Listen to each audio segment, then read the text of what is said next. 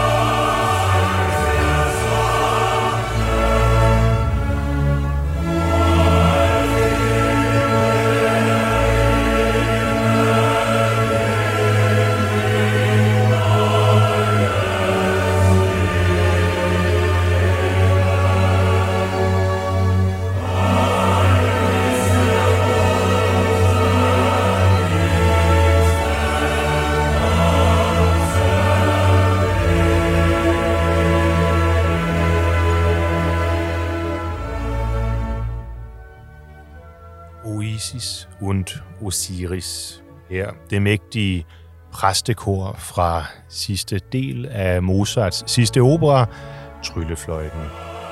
Læg mærke til, hvordan orkestret majestætisk følger koret i unisone toner.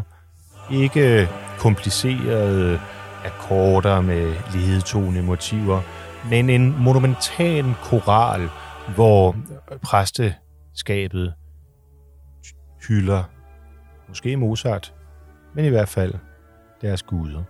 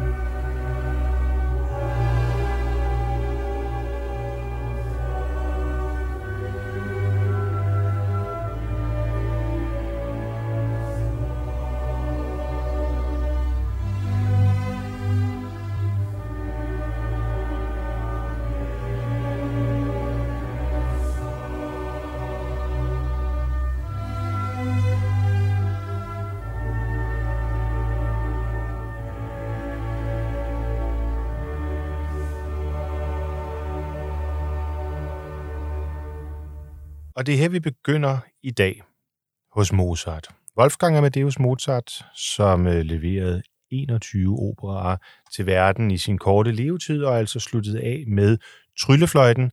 Øhm, og hvorfor gør vi så det? Ja, det gør vi egentlig ikke for at dyrke Mozart, selvom der kunne være god grund til det. Nej, vi gør det, fordi vi her efter at have hørt rigtig meget om orkestret, og have hørt rigtig meget om solisterne i kammertonen, jamen så er der ligesom noget, vi har glemt. Og det er jo netop koret.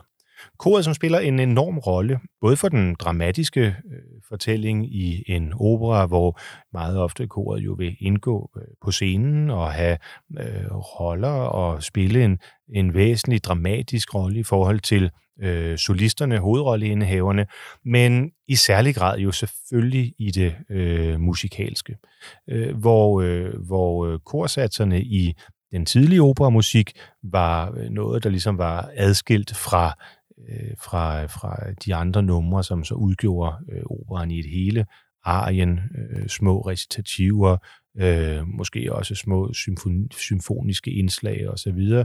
Dengang der var operaen bygget op sådan af, af brudte størrelser, som, øh, som øh, så var små værker, der i det hele altså udgjorde en opera. Det er jo faktisk der i selve navnet opera kommer. Øh, det er øh, flertalsformen af, af opus, øhm, og det vil sige, det er simpelthen en, en serie af mange værker, der er stødt sammen. Men i dag vil vi altså dykke ned i disse korsatser, fordi der er ingen tvivl om, at noget af det, som virkelig kan få de små hår til at rejse sig på armene, jamen det er, når, øh, når koret giver den fuldstændig gas. Og det er der i operans verden utrolig mange gode lejligheder til. Og jeg er ikke i tvivl om, at øh, mange af de øh, numre, vi skal høre her den næste lille time, jamen det vil være noget, som øh, de kære lytter kender sig ganske udmærket. Men måske har man brug for lige at få sat det ind i en sammenhæng, og derfor så er det det, vi gør i dag. Vi lytter til de store mestres kormusik. Et af de numre, som øh, nok kommer ind på en, ja, tæt på skal vi sige, top 5 i forhold til øh, korværker, jamen det er et værk, som vi alle sammen kender og elsker. Hver eneste gang vi er til bryllup i en kirke, jamen så er det det, vi hører. Og øh, ja, lad os bare tage fat i det. Det er, jeg tror ikke, jeg vil sige, hvem det er. Det tager vi bagefter. Men lad os i hvert fald høre her.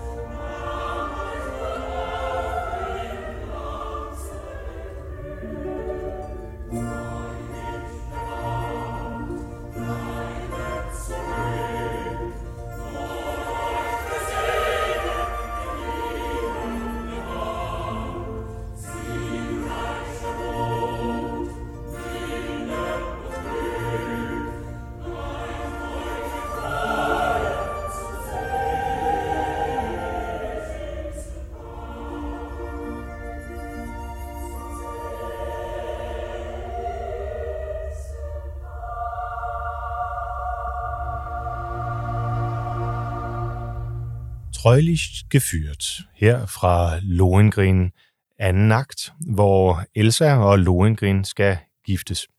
Man behøver ikke at være nogen stor operakender for at kende det her stykke musik. Det siger sig selv. Det er nærmest ved et hvert øh, kirkebryllup i Danmark, at bruden føres ind netop til Wagners lette, egale, romantiske musik.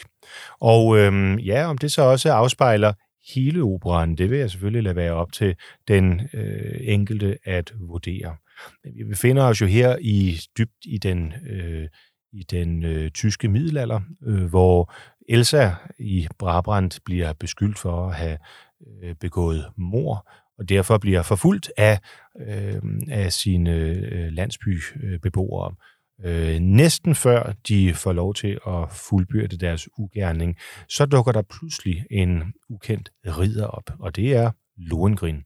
Lohengrin, som redder Elsa, men også vil være en befrier for hele området. Han siger, at han kommer fra et sted, som ingen kender, øh, og som øh, ingen må vide. Derfor så har han kun et krav, og det gælder i særlig grad til Elsa, men sådan set også alle andre, og det er, ingen må kende hans navn. Hans navn skal forblive ukendt. Og hvis der er nogen, der spørger, hvad han hedder, hvor han kommer fra, så er det slut. Så tager han hjem igen. Elsa er selvfølgelig beruset af lykke over den her øh, ridder, der har øh, frelst hende fra en grum, grum øh, skæbne. Hun forelsker sig pladask i ham, og så er det her i anden akt, at øh, der er bryllupstoner. Det er altså toner, som er i dag øh, dybt forankret i, jeg tror, ikke bare alle danske, men vist alle kristne kirker rundt omkring i verden, når der fejres bryllup. Hos Wagner, der er det ikke så ofte, at vi har en lykkelig afslutning. Og uden at gå for meget i detaljer her, så kan jeg da godt sige, at der går ikke lang tid efter Elsa, hun har øh, fået sin långrin, før hun begynder at blive nærmest pint af det her spørgsmål. Hvad er det egentlig for en mand, hun er gift med? Hvad hedder han? Hvor kommer han fra? Øhm, om hun så tør stille det forkæstrede spørgsmål, og hvad der måtte ske, hvis hun gør det, det vil jeg lade dem, kan jeg lytter, afgøre. Der findes rigtig, rigtig mange skønne indspilninger af Lohengrin her på øh, Spotify. Øh, personligt er jeg, som kender af det her program, vil vide, øh, meget begejstret for øh, spanske Placido Domingos indspilninger, men der er masser af valgmuligheder. Det er bare at slå sig løs. Helt generelt så øh, har vi lyttet til alt for lidt øh, Wagner i, øh, i kammertonen, og øh, måske dvælet lidt for meget ved den øh, italienske skole. Det er der heldigvis råd for, og derfor synes jeg, vi skal bruge øh, dagen i dag, hvor vi fokuserer på store operakor, til at få hørt noget Wagner. Fordi Wagner er ikke bare Wagner. Nu hørte vi øh, brudemarschen her fra øh, Lohengrin, som er en smuk, melodisk, øh, sangbar melodi, som øh, alle kender. Jeg vil nærmest sige, har man hørt den en gang, jamen så øh, kan man jo øh, nynne med på den resten af livet. Den er skrevet med harpe og de lyse stryger i, øh, som øh, akkompagnement, og det er, øh, det er behageligt, det er rart, og måske også, hvis ikke man lige kunne høre, at de sang tysk, så vil man tænke, jamen det der, det kan da nærmest være skrevet af både øh, belcanto-mestrene som Donizetti og Bellini, det kan være skrevet af øh, Verdi, og ja, måske øh, ovenikøbet med en lidt anden instrumentalisering af ikke også Mozart kunne have været indenover. Det er med andre ord ikke sådan arketypisk Wagner. Men det er det næste, vi skal høre. For i øh, en af sine tidligere operaer, hvor Wagner lader sig inspirere af den nordiske, øh, den nordiske soundfortid, der, øh, der øh, giver øh, også, der spiller også øh, koret en central rolle. Og øh, det er med en helt anden virilitet, kraft, maskulinitet. Og jeg tænker øh, naturligvis på den flyvende hollænder, hvor vi skal høre sejlernes kor.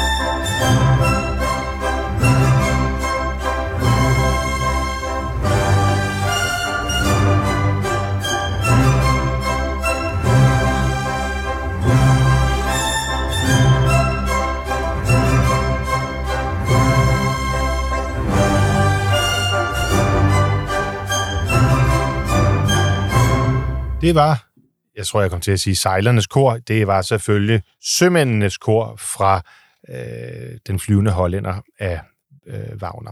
Og øh, ja, hvad har det så egentlig med Norden at gøre? Jeg fik nævnt før, at det var en historie fra den øh, nordiske fortid. Hvad har Holland og Norden øh, til sammen? Jo, det foregår som end i Norge, hvor øh, denne savnomsbundne, mystiske, øh, hollandske sømand går til går i land. Og øh, det kan han kun med ganske lange år imellem, og øh, til gengæld søger han med lys og lygte efter den, der vil elske ham og således forløse ham fra den, øh, fra den grumme, grumme skæbne, det er, netop for øh, hollænderen at øh, skulle sejle rundt helt hvileløs og hjemløs på havet det år efter år.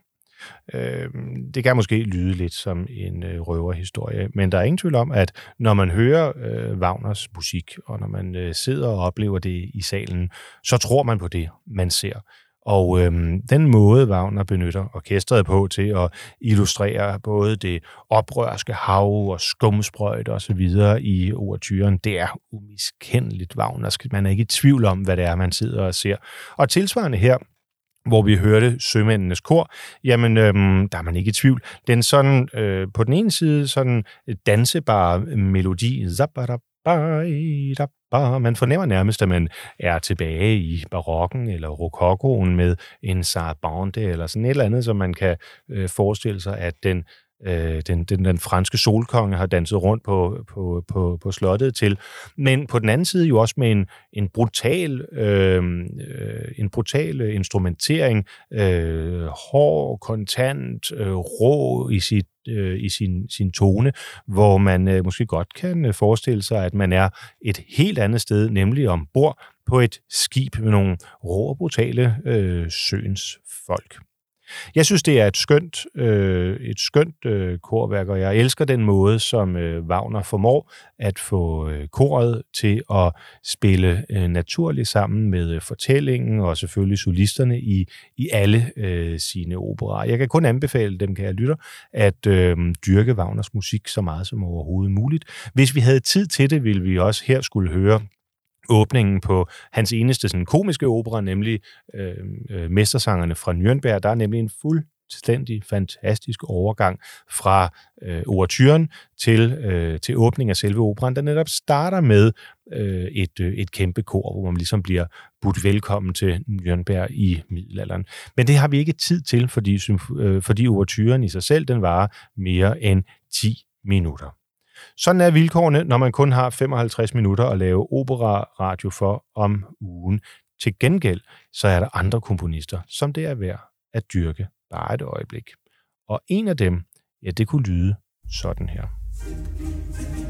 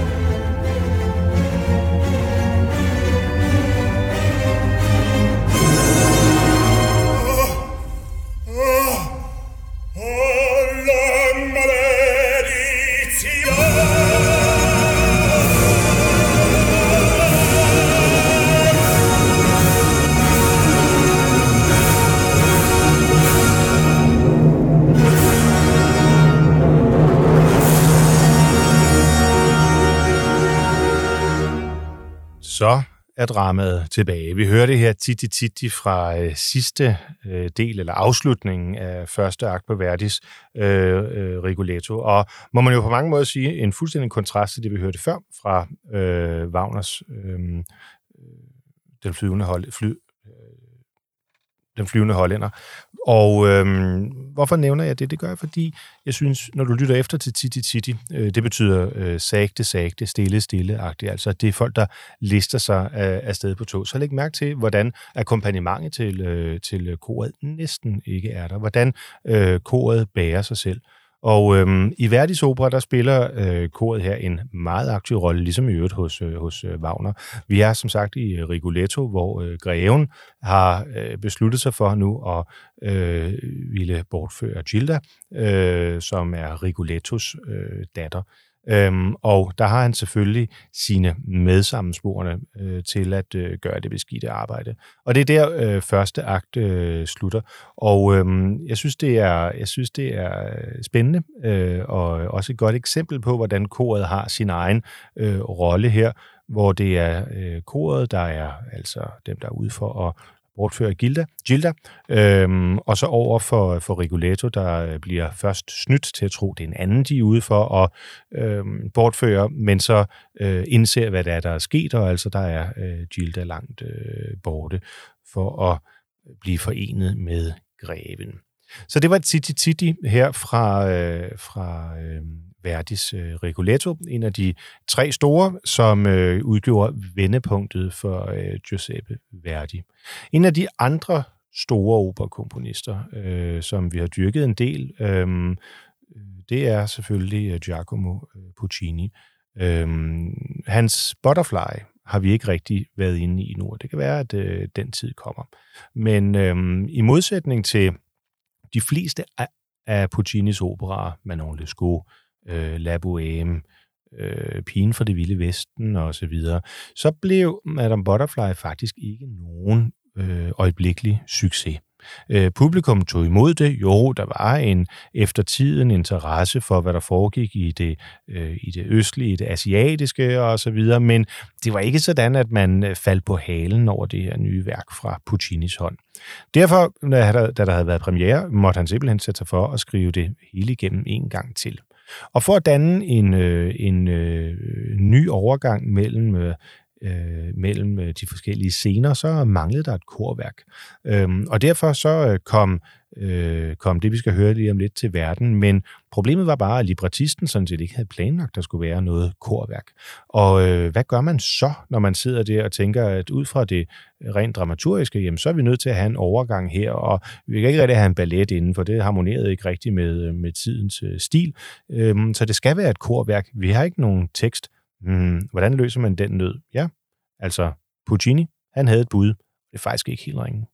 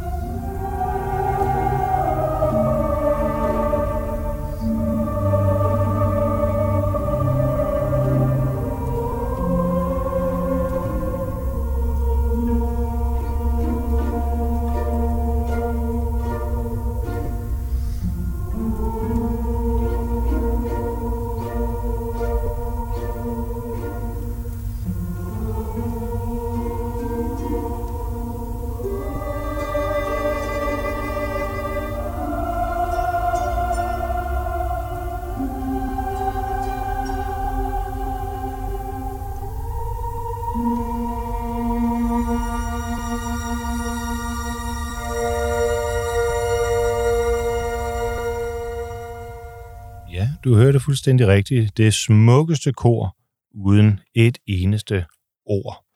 For da øh, Puccini stod over for den bundne opgave at øh, få skrevet et korværk for at binde øh, Madame Butterfly bedre sammen, og på den måde gøre det mere attraktivt for det stærkt kritiske publikum i Milano, øhm, jamen øhm, hvorfor så ikke bare lave et nynnekor, hvor man netop ikke havde nogen tekst, men øh, man havde noget brandlækkert musik. Det var præcis Puccinis løsning. Puccini øh, fik sin inspiration direkte ind med modermælken. Han tager musikken et helt nyt sted hen i forhold til den, han arver, men øh, der går en historie om, at det, der gjorde, at Puccini besluttede sig for at ville være operakomponist, jamen det var Giuseppe Verdi, og ikke bare Verdi som komponist og som øh, person, kunstner, italiener. Nej, det var en helt konkret oplevelse, en helt konkret begivenhed. Nemlig øh, Verdis øh, store øh, egyptiske mesterværk, opera, Aida. Man må sige, der har været en, øh, en trend i tiden der tilbage i øh, slutningen af det 19. århundrede, hvor man sværmede lidt for, interesserede sig lidt for øh, landene uden for øh, Europa. Altså vi har øh, Puccini, der både skriver om pigen fra det vilde vesten, som foregår i USA. Øh, han skriver Madame Butterfly, vi lige hørte fra, der foregår i øh, Japan, eller i hvert fald i, i Østen.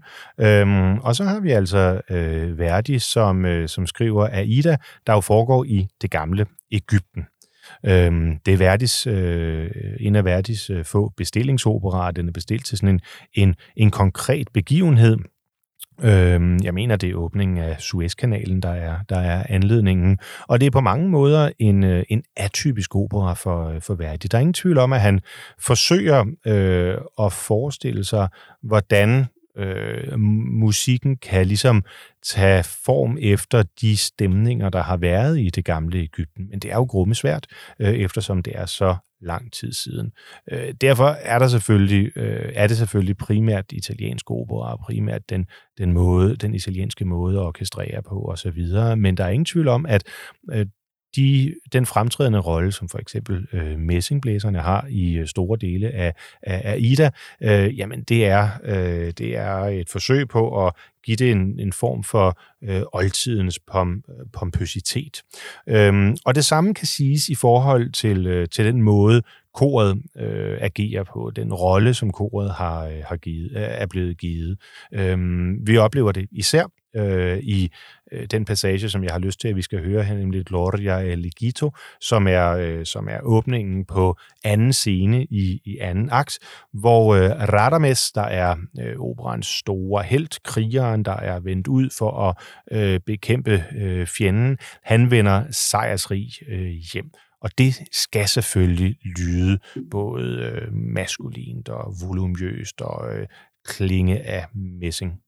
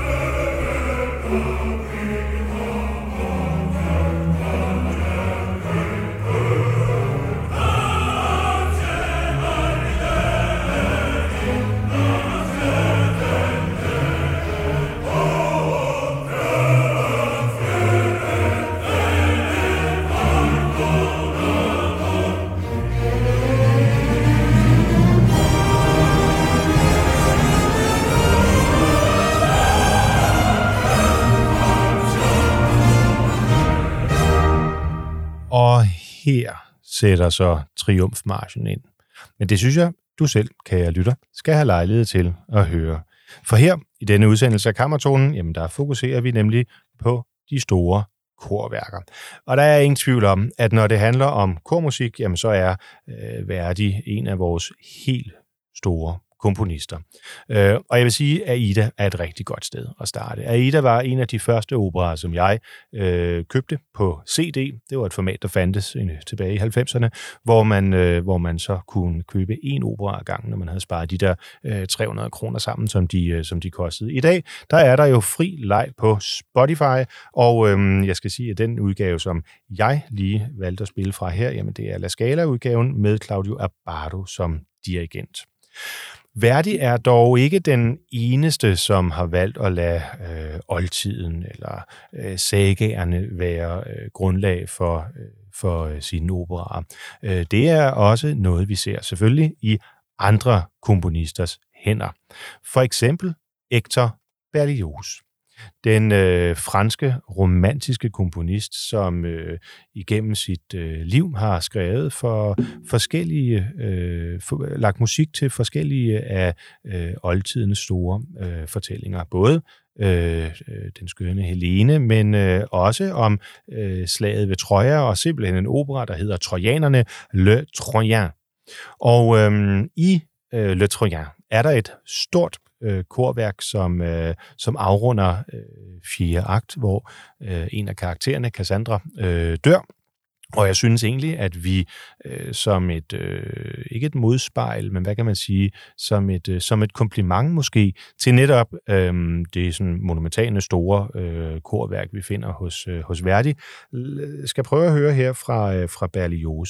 De er nemlig nogenlunde samtidige, og øh, har selvfølgelig kendt til hinanden, har selvfølgelig lyttet til hinanden, studeret hinandens øh, musik, og jeg tror ikke, der er nogen tvivl om, at, øh, at øh, de har ladet sig øh, inspirere øh, af hinanden. Det er ikke noget ukendt fænomen. Spørgsmålet er så, hvem der har ladet sig inspirere af hvem. Øh, Berlioz, han er født 10 år før Verdi, og er derfor en lille smule ældre, men har en anden, selvfølgelig mere fransk, mere, jeg vil tillade mig at sige, arkaisk øh, måde at skrive på. Det er ikke lige så Øh, der er ikke lige så mange hits, øh, som, man, øh, som man oplever det hos øh, Verdi i øh, Berlioz øh, musik. Det er måske lidt mere dunkelt i sin øh, orkestrering og dermed også i sine korsatser, men det er ikke decideret ringe.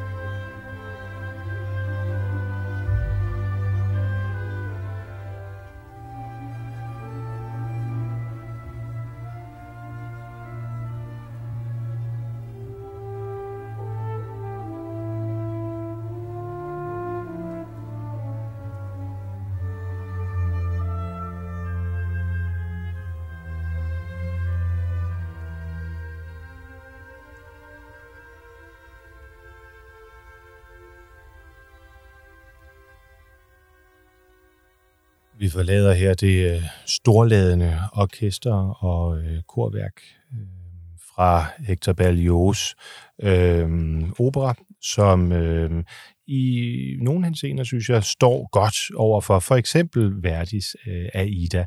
Øh, klangmæssigt, øh, orkestret størrelse, orkestrering og brugen af koret øh, med de her øh, powerfulde, øh, melodiøse øh, linjer. Øh, jeg synes, det er fedt. Øhm, desværre, øh, eller ikke desværre, men øh, for den, hvad kan man sige, den lidt mere usålmodige operalytter, så er der den lille øh, øh, udfordring ved de fleste af Berlioz operaer. De er virkelig lange. Øh, vi taler om flere, øh, eller en hel del akter, og derfor så øh, kræver det en lille smule udholdenhed, fordi også den franske operatradition måske har en lidt anden karakter end den øh, italienske. Melodirigdommen er ikke helt den samme, og øh, ja, langt hen ad vejen, så er øh, måden at instrumentalisere på, og øh, hele, øh, hele øh, anvendelsen af orkestret øh, måske lidt mere tung, øh, end, øh, end vi oplever det i den, øh, i den tyske musik, og i særdeleshed i den, i den øh, italienske. Det gør bestemt ikke, at det er øh, ringere. Hvis man nu gerne vil have det øh, franske øh, på en lidt anden måde, så er der en anden fransk komponist, som øh, desværre og, og med mig en urette mest i dag er kendt for øh, en af sine operer, nemlig Carmen Øhm, George Bizet er en utrolig spændende og, øh, og vidtfavnende øh, fransk komponist, som øh, desværre øh, døde ganske kort tid efter at have skrevet det, der så skulle blive hans øh, mest kendte værk. Han har dog skrevet øh, andre skønne ting. Han har blandt andet skrevet La Lesienne, altså øh, om pigen fra Arles, øh, ligesom øh, andre orkesterværker bestemt fortjener en langt bredere øh, eller langt større udbredelse end det, det har, end det, det har fået. Men jeg kunne tænke mig her i det, der så nok bliver øh, det sidste stykke musik i den her øh, udgave af Kammertonen, hvor vi øh, kigger lidt på koret, netop at, øh, at øh, fokusere på eller lytte til Le Voici, Voici, Voici la Quadrille fra øh, sidste akt af øh, Bizets Carmen. Fordi i Bizets Carmen, som i den grad må, sige, at, må siges at være øh, verisme, altså hvor man øh, forsøger at fremhæve og leve sig ind i helt almindelige menneskers liv, her konkret en, øh, en, en soldat, Don José, og altså en, øh, en, en, en cigarrullerske, øh, nemlig, øh, nemlig Carmen Sissa, eller Carmen, øh, jamen der spiller øh, koret en øh, helt fantastisk rolle, øh, som øh, et aktivt øh, parti på scenen. Altså man kan nærmest sige, at øh, koret både som, øh, som enhed, øh, men faktisk også mange af koristerne øh, får lov til at spille en, øh, en aktiv rolle, i hvert fald i de fleste fremførelser. Fordi øh, især øh, Carmens kollegaer, de her øh, stærke kvinder, øh, som spiller op mod mændene, øh, jamen de skal netop have karakter, de skal netop have identitet. Og derfor så er det en fantastisk opera i relation til både selvfølgelig øh, melodirigdommen, orkestrering osv., men også i forhold til, øh, til koret. Og derfor synes jeg, at vi skal slutte øh, af netop der med afslutningen på hele kampen på fjerde akt, Le Voici, Voici la quadrille.